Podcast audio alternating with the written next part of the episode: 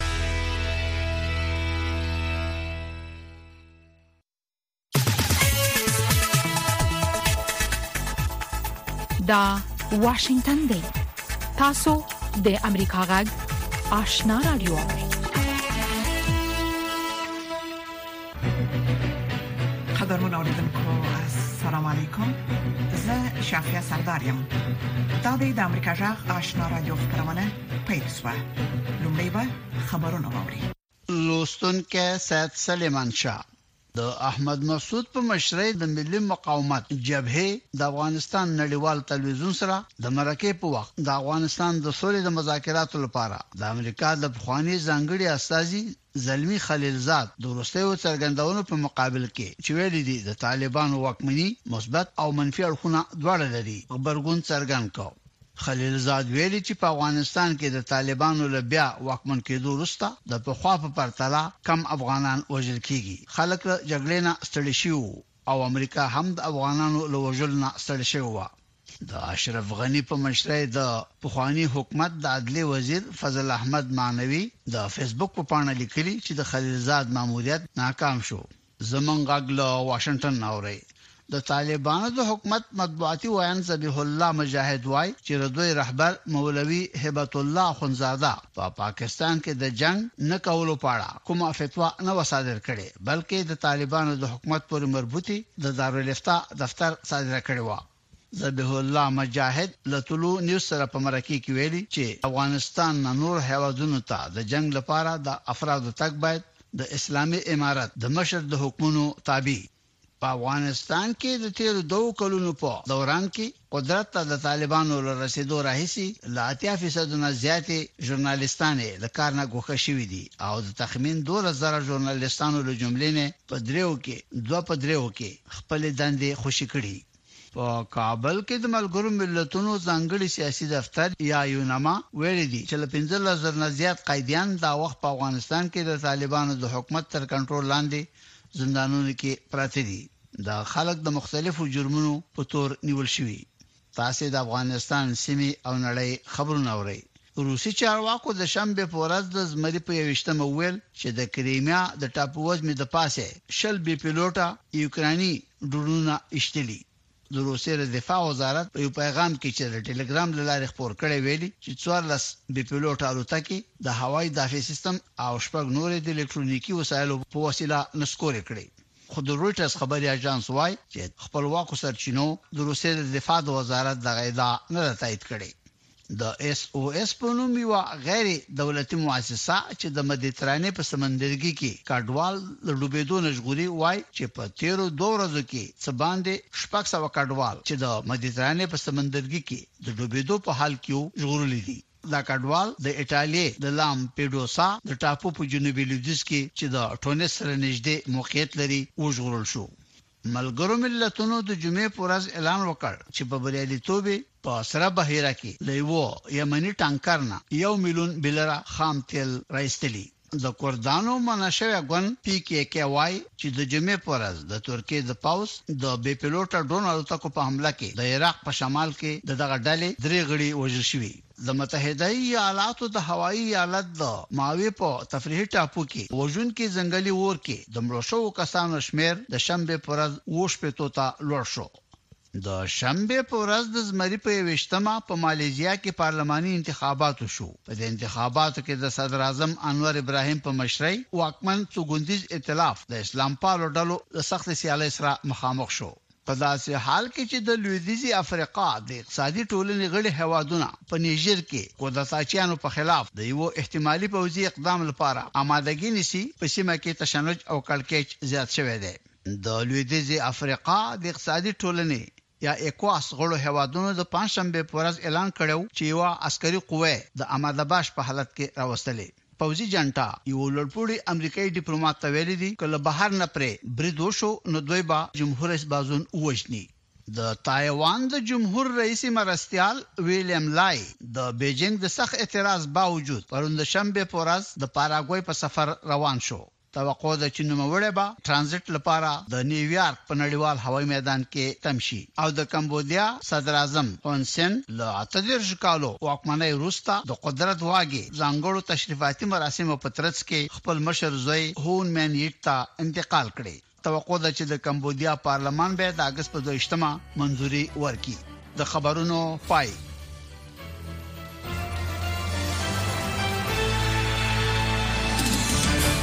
خبرونه مو د امریکا جغ آشنا رادیو څخه واوریدل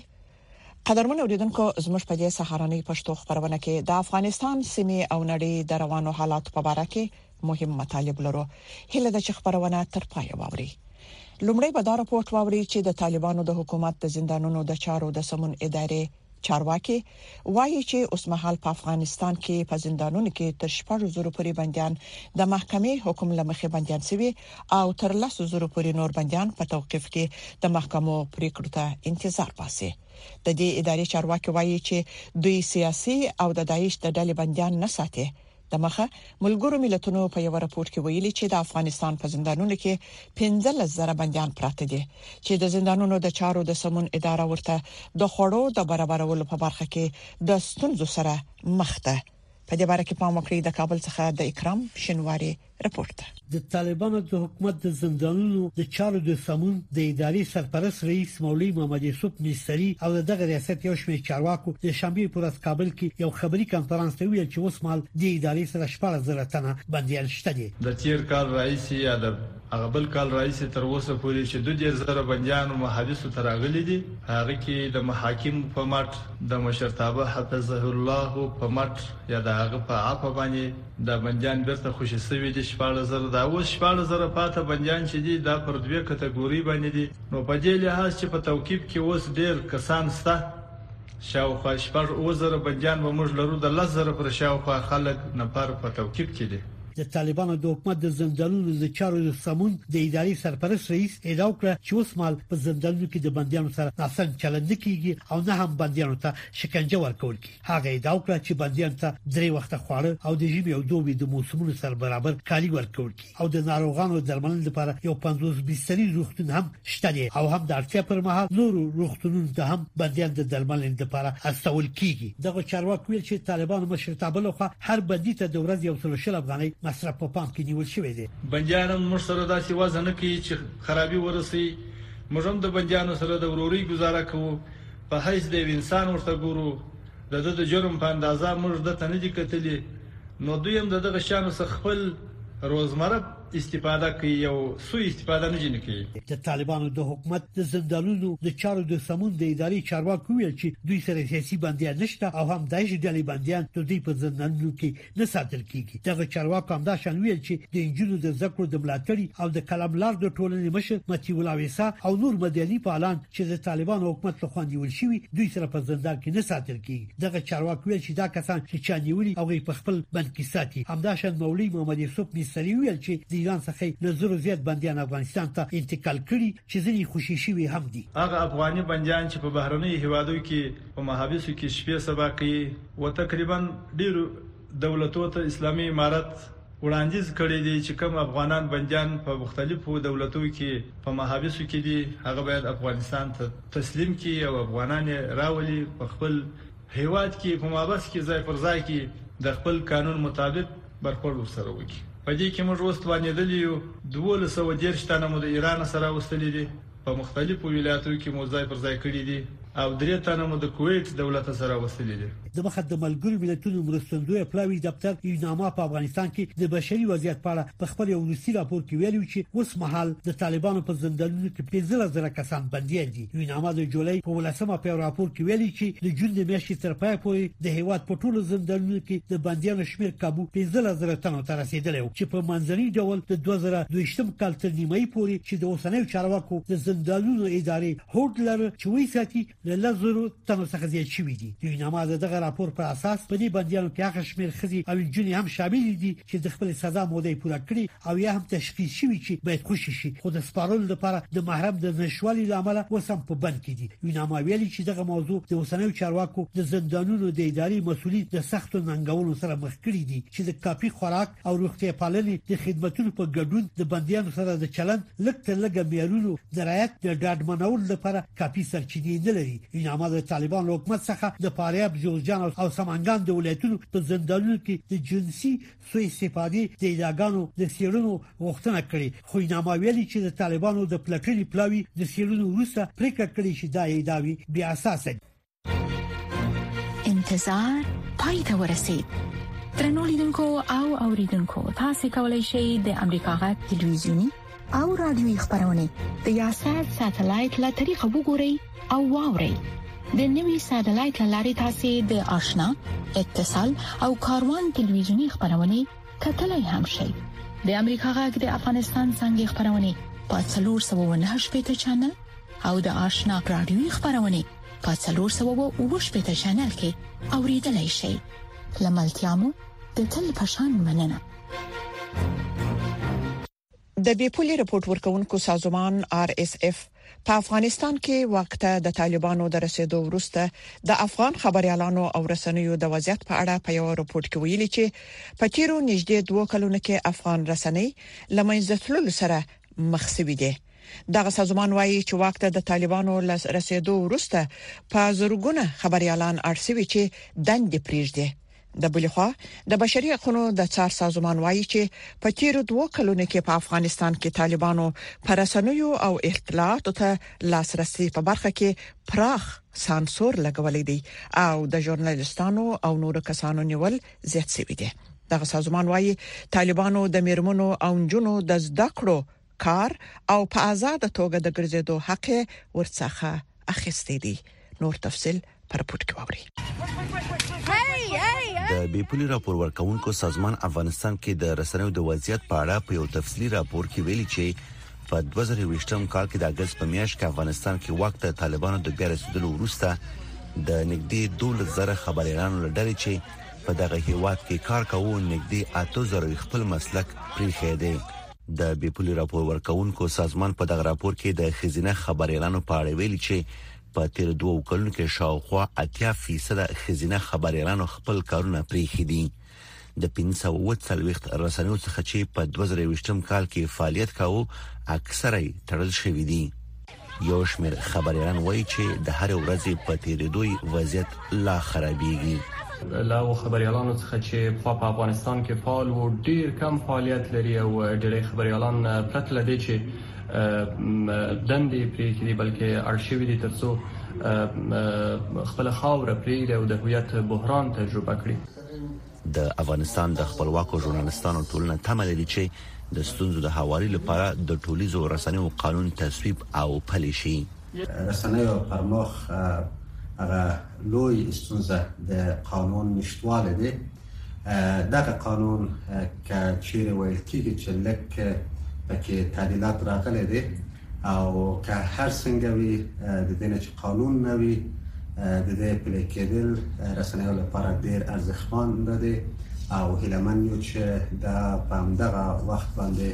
پلې شي او رسنۍ وشي کولای چې د یو قانون پر مبنا خپل نشرات پر مخ ویسي. بلخوا د بشري حقونو څار سازمان وایي چې په تیرو دوو کلونو کې طالبانو رسنۍ په جدي توګه سانسور کړي او اطلاعات ته لاسرسي محدود کړي دي دا سازمان وایي چې طالبانو د میرمنو او جنو پر زده کړو او کار او په آزاد توګه ګرځېدو محدودیت لګول دي هغه څه چې طالبان یې ردوي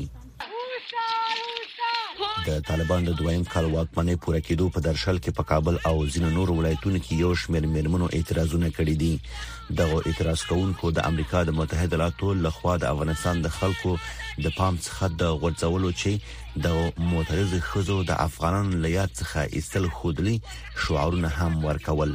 افغانستان بر یک گروه تروریستی تسلیم داده شد امروز ما زنان تخواد دوباره به جاده ها ریختیم و خواهان حق خود هستیم خو د دوو کلونو په تیریدو لا هم طالبان هیڅ کوم هیواد په رسمیت پیژندلی نه دي.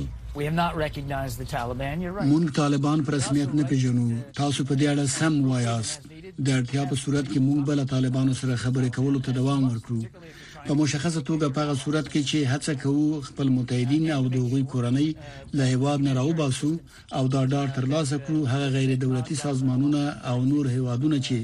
د افغانانو سره بشري مرستې کوي واقعا مستحق خلکو ته ورکول کیږي طالبان د واک ترلاسه کولو سره سم په افغانستان کې په خلکو په ځانګړي ډول خځو او نجونو باندې سخت محدودیتونه لګولې دي خو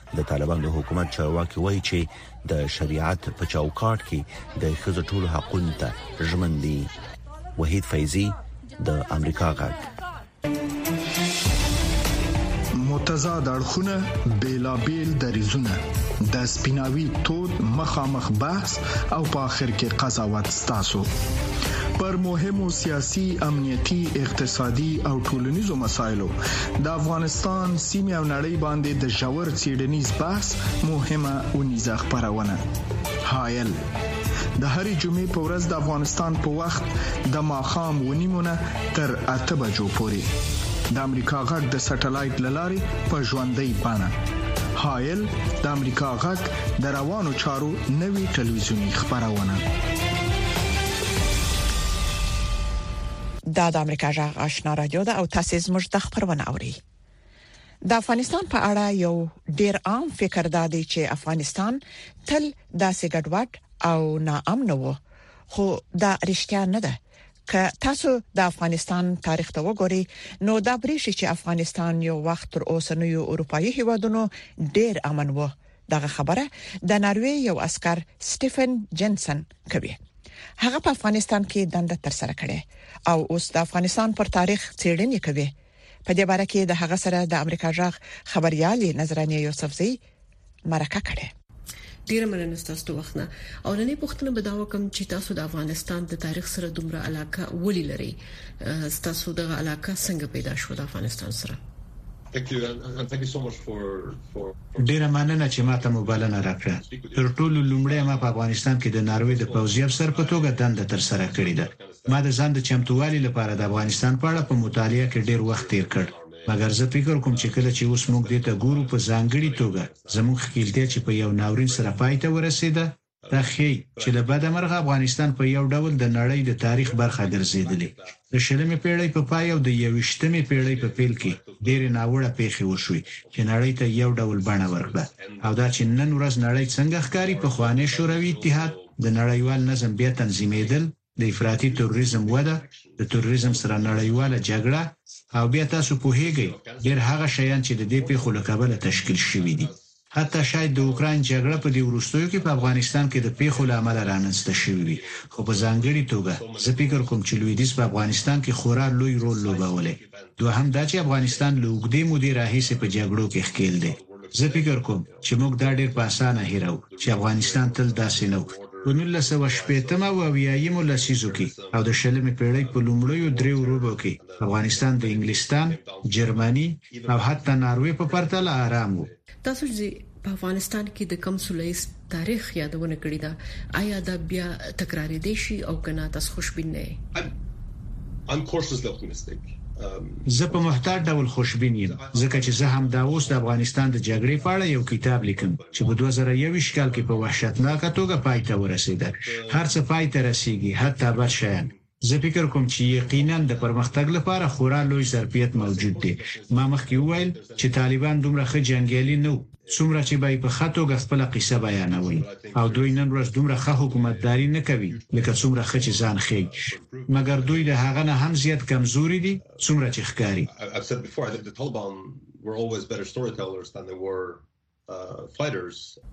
تاسو په خپل تحقیق کې په څه باندې زیات تمرکز کړی دی؟ زه په دوه شیانو تمرکز کوم، یو دا چې د افغانستان د جګړې د تاریخ او یا هم د نړۍ د حالاتو په اړه د خپل فکر لپاره مهالویش وغځوو. تر څو د دې پر ځای فکر وکړو چې هر څه له جګړې له پیل راهیسې پیل شوي. زه دغه تاریخ له جګړې نه د مخکې وخت څخه پیلوم، زه یې د نولس سوه درې پنځوسم نه پیلوم، ځکه چې دا قیصه ډېره پېچلې کوي. زه فکر کوم یو ډېر عام فکر دا دی چې افغانستان تل داسې و، چې افغانستان تل ګډوډي او تاوتریخوالی درلود. دا رښتیا نه دي، که تاسو د افغانستان تاریخ ته وګورئ. زه هم فکر کوم چې دا د څلوېښت کلنې جګړې قیصه ډېره پېچلې کوي او په ځانګړي توګه په تېرو شلو کلونو کې چې کومه جګړه وشوه داسې به ډېرې خبرې کېدې چې د طالبانو بېرته راتګ حتمي دی بیا دا چې ولسواکي به خاماخه د ناکامۍ سره مخ کېږي نو کله چې تاسو دغه نظرونو ته وګورئ نو داسې ښکاري چې د پایلې په اړه یو باور موجود و، چې د همدې باور له امله هغه پایله رامنځته شوه. د افغانستان د جګړې نه څه ډول درسونه زده کولی شو؟ زه فکر کوم هغه درسونه چې خلک یې په اړه اکثره خبرې کوي، هغه د نظامي مداخلې سره تړاو لري او زه فکر کوم چې یقینا د نظامي مداخلې په اړه ځینې درسونه موجود دي، مګر زه فکر کوم، چې ډېر سخت درسونه او نړیوال درسونه موجود دي دا هغه چې تاسو پوهیږئ یو ځل چې تاسو دولتي بنسټونه مات کړئ دا سخت مشکل کار دی چې هغه بیرته جوړ شي یو ځل چې تاسو افراطیانو ته دروازې خلاصې کړئ او یو منځ لار پای ته ورسی نو دا بیا ډیره ستونزمنه ده چې هغه لار بیرته ومومئ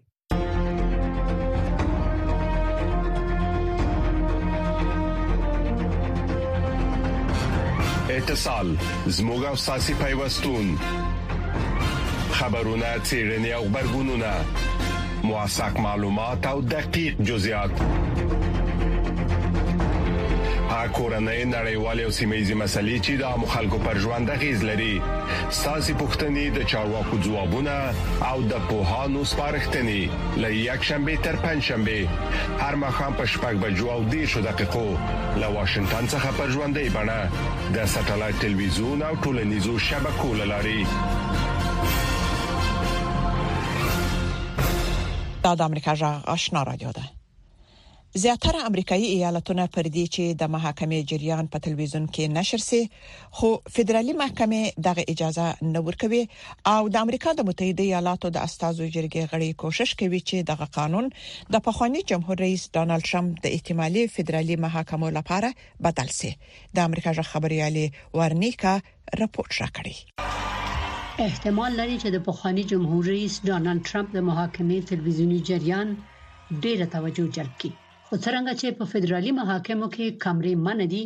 اوس فقط یو څو لنډ ویډیوي صحنې په واشنګټن کې محکمې ته د هغه د حاضرېدو جریان بیانوي په تلویزیون کې د محاکمو د جریان د ښودلو د قانون بدلول به یو ډیر پیچلی بهیر وي خو څو دیموکرات وکیلان او حتی د ټرمپ مدافع وکیل جان لاورو استدلال کوي چې کمرې به په محکمه کې شفافیت لا بهتر کړي مګر برعکس د وال سټریټ ژورنال مدیره هیئت باوجود ځنې لکه الیزابت ویلیامز اندېښنه لري چې کمرې به د محاکمې په جریان منفي اغیزه وکړي. پخوانی فدرالي څارنوال مارک مکډال د دې نظر سره موافق دی. زما په فکر واقعاً کامرې په محاکمه کې په ګډون کوونکو، قاضیانو، قاضي، مدافع وکیلانو، شاهدانو او نورو باندې تاثیر اچوي. خو په امریکا کې نور بیا داسې استدلال کوي چې د سیاست ډیر زیات قطبي کیدل چې حتی په بیخي ساده او څرګندو واقعیتونو، مشاجرې او بحثونه کیږي، د کامرو موجودیت د حساب کتاب لپاره ګټه رسولای شي. که چیرې په محکمه کې کامرې نه وي، څه چې قاضیان وايي امکان لري غلط ښکاره شي یا یو څوک چې دننه په محکمه کې وي غلط استازیتوب وکړي او یا کوم څه چې هلته واقع کیږي هغه له کانټیکس یعنې له اصلي مطلب نه وباسي او هغه څه خپاره کړي چې غواړي. ټرمپ به هغه وخت چې محکمې ته ځي د جمهوري ریاست کاندید وي. سیاستپوه دین لیسي وايي، مشکله ده چې سړی پیشبیني وکړي چې د محاکمې د جریان تلویزیوني کیدل به د هغه په محبوبیت څنګه اغیزه وکړي. کیدای شي د خپلو پلویانو زړونو ته قوت ورکړي او د ابتدايي انتخاباتي مبارزې په دوران کې د خبرو ډیر فرصت ترلاسه کړي. همدغه راز کیدای شي چې ډیر منفي اثر هم ولري. او کېدای شي ځان مقصر ثابت کړي امکان لري چې په مستقلو خلکو کې او خای د خپل زینو اصلي طرفداران ترمنځ هم خپل شهرت وبایلي د امریکا قریب ټول ایالتونه په خپل محاکمو کې کمرې پریدي د ډیرو مشهورو کسانو لکه د وجی سیمسن د محاکمې جریان چې د قتل تورونه په لګیدلی وو یا د پولیسو د صاحب منصب ډیریک شاون قضیه چې د جورج فلایډ په قتل متهم راسن د تلویزیون نه خبرېده. توقع ده چې په ډونالد ټرمپ باندې د انتخاباتو په ارتباط د تورونو محاکمه په دې هفته کې په جورجیا کې دایره شي او هلته د قاضیانو د صلاحیت په اساس کمرې شته دي. زیبا خادم، امریکا غږ، واشنګټن. متضاد اړخونه، بیلابیل دریځونه، د سپیناوي تود مخامخ بحث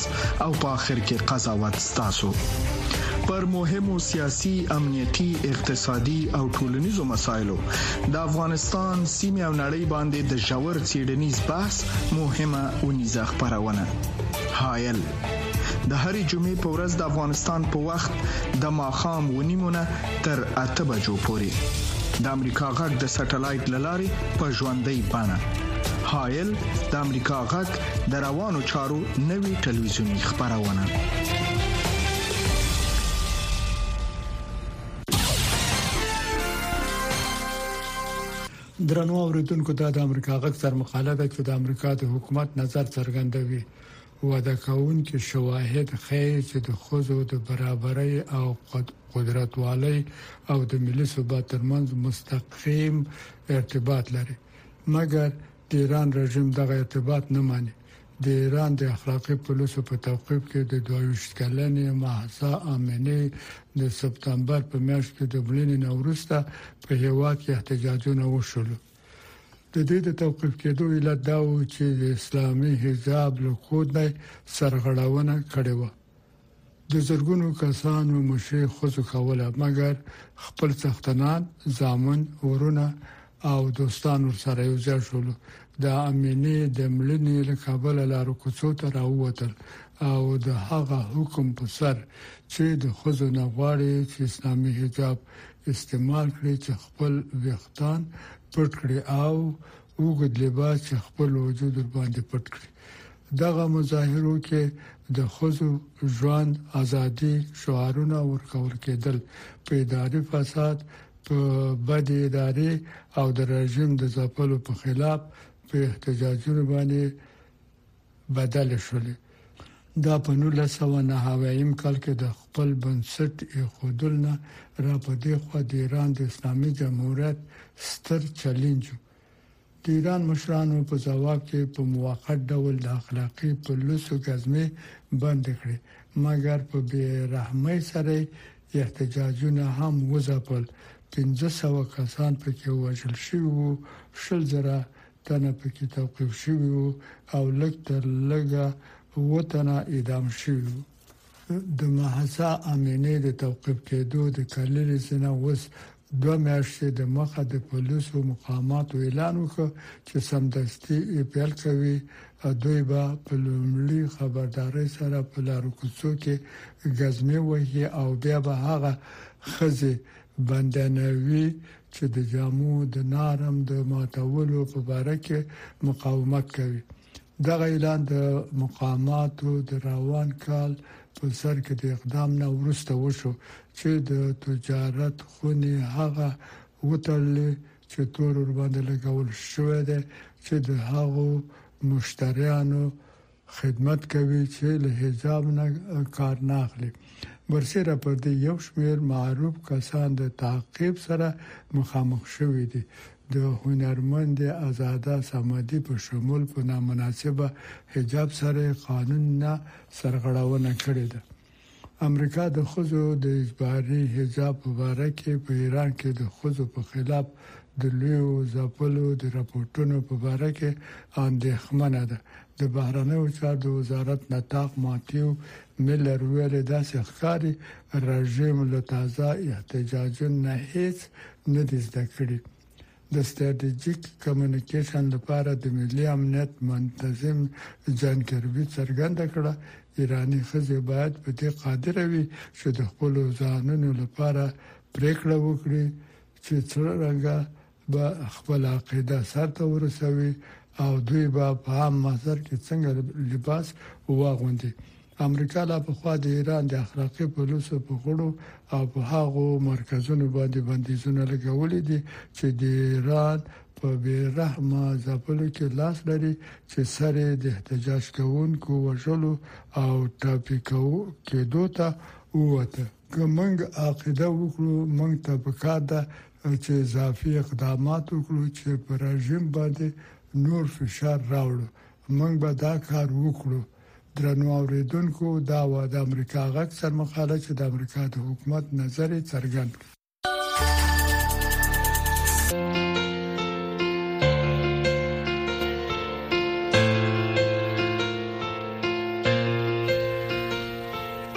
درنوریدونکو زموږ د خبرونه په همدې ځای پای ته ورسیده د امریکا جغ آشنا را دوه خبرونه دوام لري